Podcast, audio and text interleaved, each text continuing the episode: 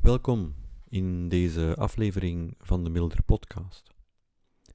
En in deze toch wel bizarre tijd waar het coronavirus zo hevig rondwaart in onze maatschappij, daar moest ik terugdenken aan een blog die ik een tijdje terug al uh, schreef. En dat was een blogpost naar aanleiding van het boekje, het is een klein boekje, maar wel een zeer goed boekje, het boekje Almensch van uh, Alicia Geshinska. En in dat boekje Almensch, daar um, stelt Alicia Geshinska dat wanneer het gaat over het morele, het, morele het juiste te doen, want ze, ze heeft het daar heel erg over ethiek en, en ervoor zorgen dat je toch wel moreel datgene doet wat, wat eigenlijk van jou verwacht mag worden. Dat wanneer het gaat om moreel het juiste te doen, dat we volgens haar niet te snel daarover tevreden mogen zijn, niet te snel tevreden mogen zijn met onszelf. Dat we, als het, uh, als het neerkomt op, op, uh, op ethisch handelen, dat we niet te snel in gemakzucht mogen vallen. Want, zegt ze, dit werk, dit werk van het juiste te doen, dit werk om te leven met en voor de anderen, zoals zij dat dan definieert, dat werk is volgens haar nooit af. Dus ook als je al veel gedaan hebt en je, je er eigenlijk ook wel tevreden kan over zijn, mag die tevredenheid er eigenlijk nooit toe leiden dat je denkt, oké, het werk is af, nu hoef ik verder niks meer te doen. En in die zin doet Alicia Geshinska wel een heel sterk ethisch appel op ons. Eigenlijk stelt het wel heel scherp. En ik denk zeker nu, in tijden dat we uh, een soort van, het is geen echte lockdown dan officieel, maar toch een soort van mini-lockdown leven, daar wordt dit appel plotseling heel concreet en wordt dit ethisch appel ook plotseling heel scherp gesteld.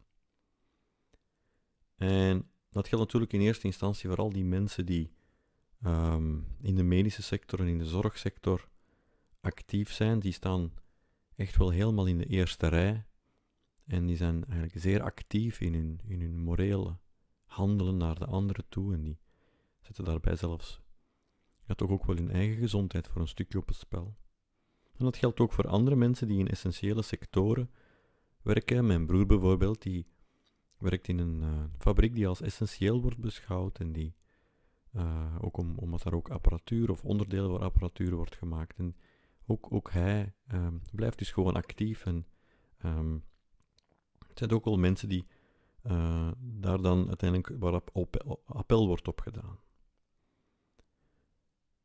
En al die mensen doen eigenlijk toch wel uh, bewonderenswaardig werk in niet zo evidente omstandigheden.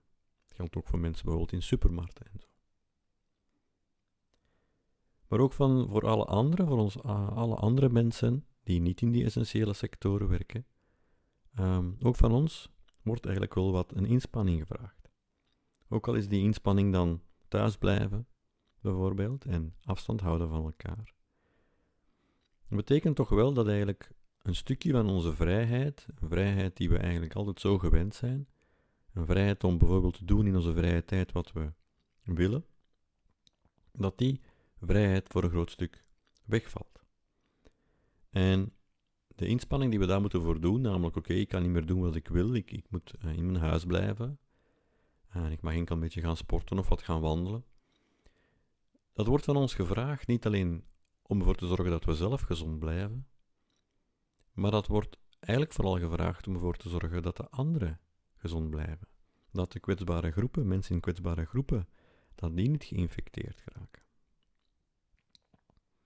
En in die zin wordt, ons, wordt het engagement ons engagement voor de anderen, het leven met en voor de anderen, heel tastbaar en heel zichtbaar. Er wordt echt gevraagd voor een engagement om bepaalde dingen niet te doen in dit geval, of afstand te houden, dan is het wel iets te doen voor de ander. En dan vind ik het mooi om te zien dat zoveel mensen dat ook spontaan doen. Zoveel mensen eigenlijk spontaan op die vraag ingaan dat toont dan voor mij toch ook weer aan, zoals Brechtman zo mooi zegt in zijn boek dat de meeste mensen deugen. En soms als je misschien bepaalde nieuwsmedia volgt, dan wordt er al eens een donker beeld opgehangen over de, over de mens, ook, of ook bepaalde klassieke, vooral uit Anglo-Saxische hoek, filosofen, die daar een heel ander beeld van hebben, dat de mens in C slecht zou zijn. Dat dat beeld toch wel heel erg moet gecorrigeerd worden. Zoveel mensen die gewoon spontaan dat doen wat nodig is. Maar toch ook, soms zien we dat het niet gebeurt. We zien ook mensen die dat niet doen. En de meest extreme voorbeelden waren van, daarvan waren dan de lockdownfeestjes die nog werden georganiseerd. Of ehm, ja, die Vlamingen die toen de cafés sloten, um, plotseling uitweken, uitweken naar cafés in Zeeland, om daar dan uh, feestjes te gaan houden. waren natuurlijk voorbeelden van mensen die dat dan niet deden. Ook het hamsteren was zo'n voorbeeld van plotseling een gedrag dat toch wel minder sociaal was. Maar op een nog veel kleiner niveau zie ik ook dat ik, wanneer bijvoorbeeld naar de supermarkt gaat, zeker in het begin, en nu gaat het eigenlijk al veel beter, maar in het begin merkte ik toch wel dat mensen het moeilijk hadden om in de supermarkt afstand van elkaar te houden. Terwijl het op zich een, een eenvoudige regel lijkt te zijn, of een eenvoudige uitnodiging lijkt te zijn. En dat het dus moeilijk bleek te zijn om in die setting, die we toch zeer goed kennen, om daar dan heel erg met elkaar rekening te gaan houden. Van waar is de ander en hoe kan ik dan nu even wachten zodat we uh, toch die voldoende afstand van elkaar houden. Dat blijkt dan toch, of bleek toch, moeilijk te zijn voor een heel aantal mensen. En het was zelfs opvallend dat er ook mensen bij waren die zelf in de kwetsbare groep zitten. Die zelf eigenlijk er alle belang, heel persoonlijk alle belang bij uh, hadden om die afstand te bewaren. En die daar dan toch niet in slagen om dat te doen. Hoe komt dat eigenlijk? Dat is wel een goede vraag. En als we dan lezen bij Alicia Geshinsky, dan um, valt zij daarvoor terug, voor een verklaring daarvoor, eigenlijk terug op um, eerder de klassieke filosofen. Namelijk, zij zegt dat dat eigenlijk te wijten is aan een soort van gebrekkige wil bij de mensen dat de mensen niet genoeg verlangen naar het goede.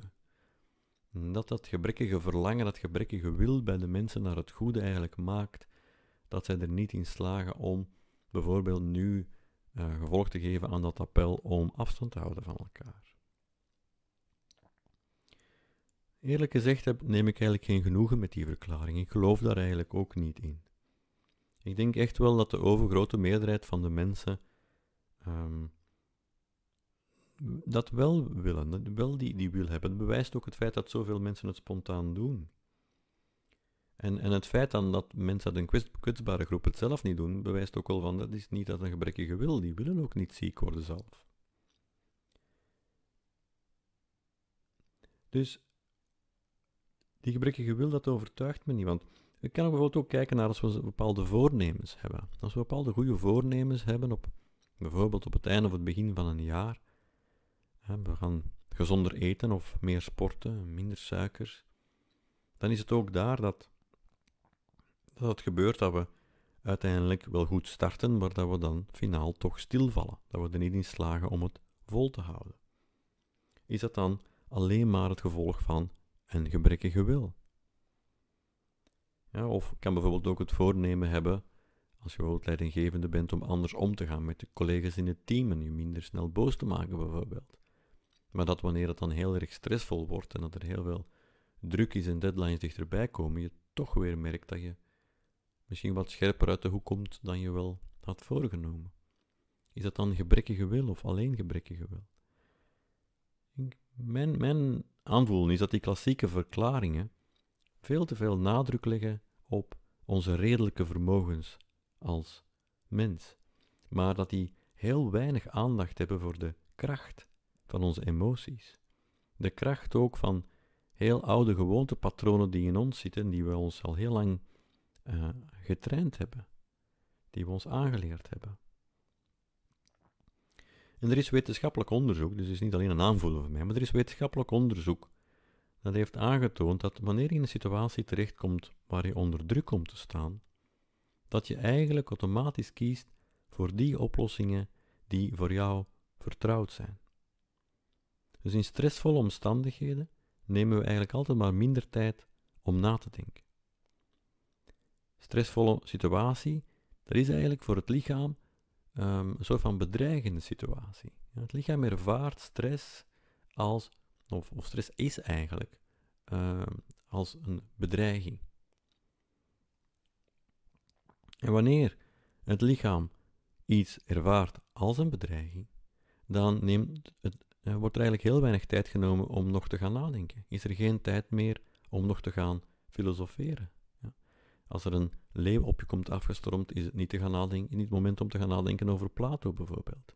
Dat is wel tijd voor actie. En de actie die we kiezen, is diegene die we ons door gewoonte eigen hebben gemaakt. De manier, we gaan reageren op die manier die voor ons de gebruikelijke manier is om te reageren in die situatie. En soms zal dat gepast zijn en soms ook niet. Dus dat is die kracht van die, van die emotie, de kracht van die gewoontepatronen die er in ons zit. Um, dus langs de ene kant heb je daar die stressvolle en die bedreigingen, maar er zijn natuurlijk ook heel wat andere emoties die, die maken dat je niet meteen zal doen wat de reden misschien wel ingeeft. Hè. Ook emoties zijn eigenlijk wel best krachtige drijfveren. En die drijfveren kan kunnen maken dat je juist zelfs in de verkeerde richting bepaalde actie gaat ondernemen, die helemaal niet redelijk is. Wanneer iemand met hoogtevrees, en daar reken ik mezelf ook toe, dus ik heb wel best wat hoogtevrees, wel, wanneer ik op een, een richel zou komen met een hele diepte naast mij, dan sluit ik helemaal niet uit, of is het zelfs zeer uh, waarschijnlijk, dat ik juist dingen ga doen die mezelf en misschien wel mijn medereizigers heel erg in gevaar gaan brengen. Eerder dan datgene te doen wat redelijkerwijze het veiligste is. En een heel sterk voorbeeld dat ik daar ooit van gehoord heb, is van iemand die ook bij ons in de zengroep zit en die ex-para is. En die is nu business trainer. En die, die verwonderde zich erover. Die man had ook verschillende in, ook inzet gehad in Ehm, effectieve uh, acties in, uh, in Afrika. En hij, hij, kon daar vaststellen dat, dat soldaten die zelfs in een levensbedreigende situatie zaten, dus je zou dan denken dat op dat moment ga je echt heel erg samenwerken en er allemaal voor elkaar zijn, dat zelfs in die situaties bepaalde emoties naar boven kwamen uh, bij die soldaten, zoals bijvoorbeeld gekrenkt trots of kwaadheid naar een uh, ander teamlid, dat daardoor uiteindelijk toch bepaalde dingen niet werden gedaan die echt noodzakelijker waren, noodzakelijk waren voor de veiligheid van het team. Dus zelfs in die extreme omstandigheden maakte emoties dat um, men niet deed wat redelijkerwijze van hen verwacht werd. Dus kun je nagaan, ja, ook als het minder erg is dan dat, ja, emoties die kunnen je in een bepaalde richting sturen, die niet uh, de juiste, niet de meest gepaste actie met zich meebrengt. En dan spreken we dus niet meer over gebrekkige wil, want je wil het misschien allemaal wel goed doen, maar dan spreken we wel over emoties en gewoontepatronen die eigenlijk het juiste handelen in de weg staan. En als we dan denk ik kijken naar bijvoorbeeld het hamsteren, ja, dan denk ik dat het gewoon zeer emotioneel gedrag is. Daar komt geen reden meer aan te pas. Dat gaat zelfs ook niet meer over, over een of andere wil om het goede te doen. Er is gewoon een totale onredelijke angst die de mensen op dat moment drijft. Redelijkerwijze zou je natuurlijk zeggen, ja, het is niet het moment om met z'n allen naar de supermarkt te gaan. Het is ook niet het moment om in lange rijen aan de kassa te gaan staan. Om overal nog tussendoor te wringen, om die laatste wc-papierrollen bijvoorbeeld nog te gaan pakken. Want het is natuurlijk contra contraproductief als je besmettingen met een virus wil gaan vermijden. En toch staan al die mensen daar. En dat is puur emotie, puur emotioneel. En heeft dus niks te maken met gebrekkige wil. Het is niet de reden die hier regeert, maar wel een pure emotie. Dus die oproep van Alicia Gesinska om de lat op ethisch niveau hoog te leggen is, is zeker niet misplaatst. Ik denk in tegendeel zelf. Ja, we dienen vanzelfsprekend uh, het we mogen de lat hoog leggen. Maar tegelijkertijd moeten we daarbij ook rekening houden dat er wel dingen zijn die de mens daarbij in de weg staan om dit effectief te gaan realiseren. Namelijk, hè, dus bijvoorbeeld, zoals ik zei, die, het terugval op de gewoontepatronen, het gedreven worden door bepaalde emoties. En waar het dus op aankomt, is dat je die gewoontepatronen en die emoties, die eventueel het gepaste, de gepaste actie in de weg staan, dat je die gaat herkennen. Liefst in een zo vroeg mogelijk stadium, op het moment dat ze zich voordoen. En vanuit dit opmerken, vanuit dit herkennen van die emoties en van die gewoontepatronen, ontstaat dan de ruimte om bewust voor het andere, voor de gepaste actie te kiezen. Om bewust ruimte te maken, oké, dit is het juiste om te doen. Dat ga ik dan ook doen. En het is dit opmerken, dit herkennen, waar uiteindelijk alles rond mindfulness en mindfulness meditatie om draait. Om je te oefenen om dat soort emoties, dat soort drijfveren, dat soort ongepakt, ongepaste actie in zo snel mogelijk, in zo vroeg mogelijk stadium te gaan opmerken en zo ruimte te creëren voor bewuste actie. En in die zin zijn al die coronamaatregelen die nu opgelegd zijn, bijna een grote oefening in bewuste aandacht. Het afstand houden van elkaar, je bewustzijn van waar de andere zich bevindt, je gezicht niet aanraken, of zo weinig mogelijk aanraken met je handen. Het veronderstelt toch allemaal een hele grote vorm van bewuste aandacht. Ja? Wat doe ik met mijn handen als ik ga winkelen? Ja, waar zijn die de hele tijd? Ja? Uh, als ik jeuk heb, krap ik dan automatisch er aan mijn neus bijvoorbeeld? Of ga ik daar met bewuste aandacht mee om nu, dat het zo noodzakelijk is? Dus het is allemaal één grote mindfulness oefening. En we merken dan ook hoe moeilijk dat dat soms ook wel kan zijn. Dat is allemaal helemaal niet eenvoudig om dat te doen.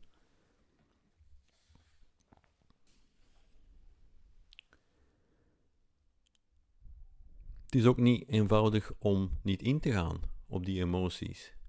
Je niet laten leiden door die gewoontepatronen. Ook dat is best moeilijk. En het je bewust zijn dat die gewoontepatronen en die emoties heel wat kracht hebben, en dat die emoties daar ook nu helemaal bij het mens zijn horen en misschien ook wel gelukkig maken. Dat kan ook maken, je, je daarvan bewust zijn, dat kan ook maken dat je milder met jezelf kan omgaan.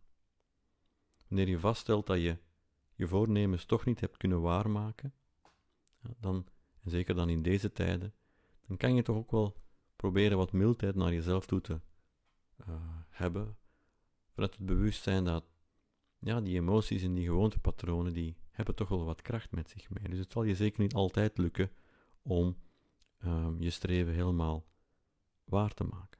Dat is nu helemaal menselijk. Emoties horen bij mensen. Dus er is zeker niks mis mee om, zoals Alicia Gesinska ons aanmaant, om de lat hoog te leggen. Maar de lat hoog leggen zonder mildheid, als je die lat niet haalt, dat is de beste manier om gefrustreerd te geraken. Dat is de beste manier om ontmoedigd te geraken. Dat wil dus niet zeggen dat je op dat moment dan maar bij de pak moet blijven zitten. Stel dat je dan toch je, je, streven niet haalt. Als je merkt van oei, ik slaag er niet altijd in. Moet je juist helemaal niet bij die pakken blijven zitten. Maar er is eigenlijk wel het moment om opnieuw ruimte te maken, om dat op te merken en zo opnieuw ruimte te maken om terug bewust te kiezen voor de juiste en gepaste actie.